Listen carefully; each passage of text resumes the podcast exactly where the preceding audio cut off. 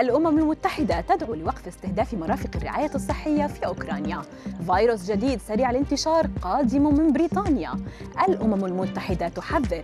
كورونا لم ينتهي بعد. أبرز أخبار الساعة الأربع والعشرين الماضية في دقيقتين على العربية بودكاست. دعت منظمة الصحة العالمية إلى وقف فوري للهجمات على مرافق الرعاية الصحية في أوكرانيا. قائلة أن هذه الهجمات تقتل وتصيب المرضى والعاملين وتدمر البنية التحتية الصحية الحيوية وتجبر الآلاف على التخلي عن حصولهم على الخدمات الصحية على الرغم من شدة الحاجة إليها.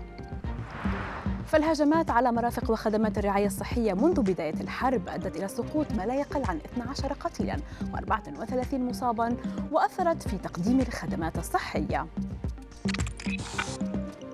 وباء جديد يهدد البشرية انطلق من المملكة المتحدة.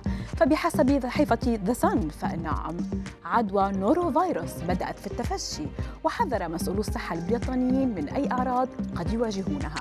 عدوى نورو فيروس تنتشر في البيئات المختلفة والمزدحمة مثل المستشفيات والمدارس ويمكن أن تسبب في ظهور مفاجئ لأعراض منها القيء والإسهال الشديدين.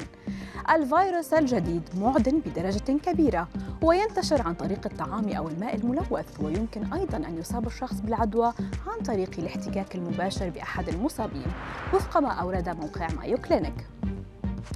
وتستمر أعراضه لمدة تتراوح بين يوم إلى ثلاثة أيام في الغالب ويتعافى معظم الأشخاص تماما دون الحاجة إلى علاج.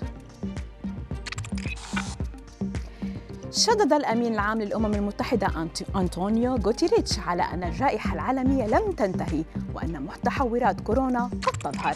يأتي هذا التحذير فيما بدأت العديد من الدول حول العالم الخروج من القيود التي فرضت لعامين على الناس مع تراجع عدد الوفيات. معتبرا أن توزيع اللقاحات في العالم لا يزال يتسم بانعدام المساواة بين الدول ما يشكل وصفة لمزيد من المتحورات ولمزيد من إجراءات الإغلاق. داعيا إلى وضع حد نهائي لهذا الفصل المؤسف في تاريخ البشرية.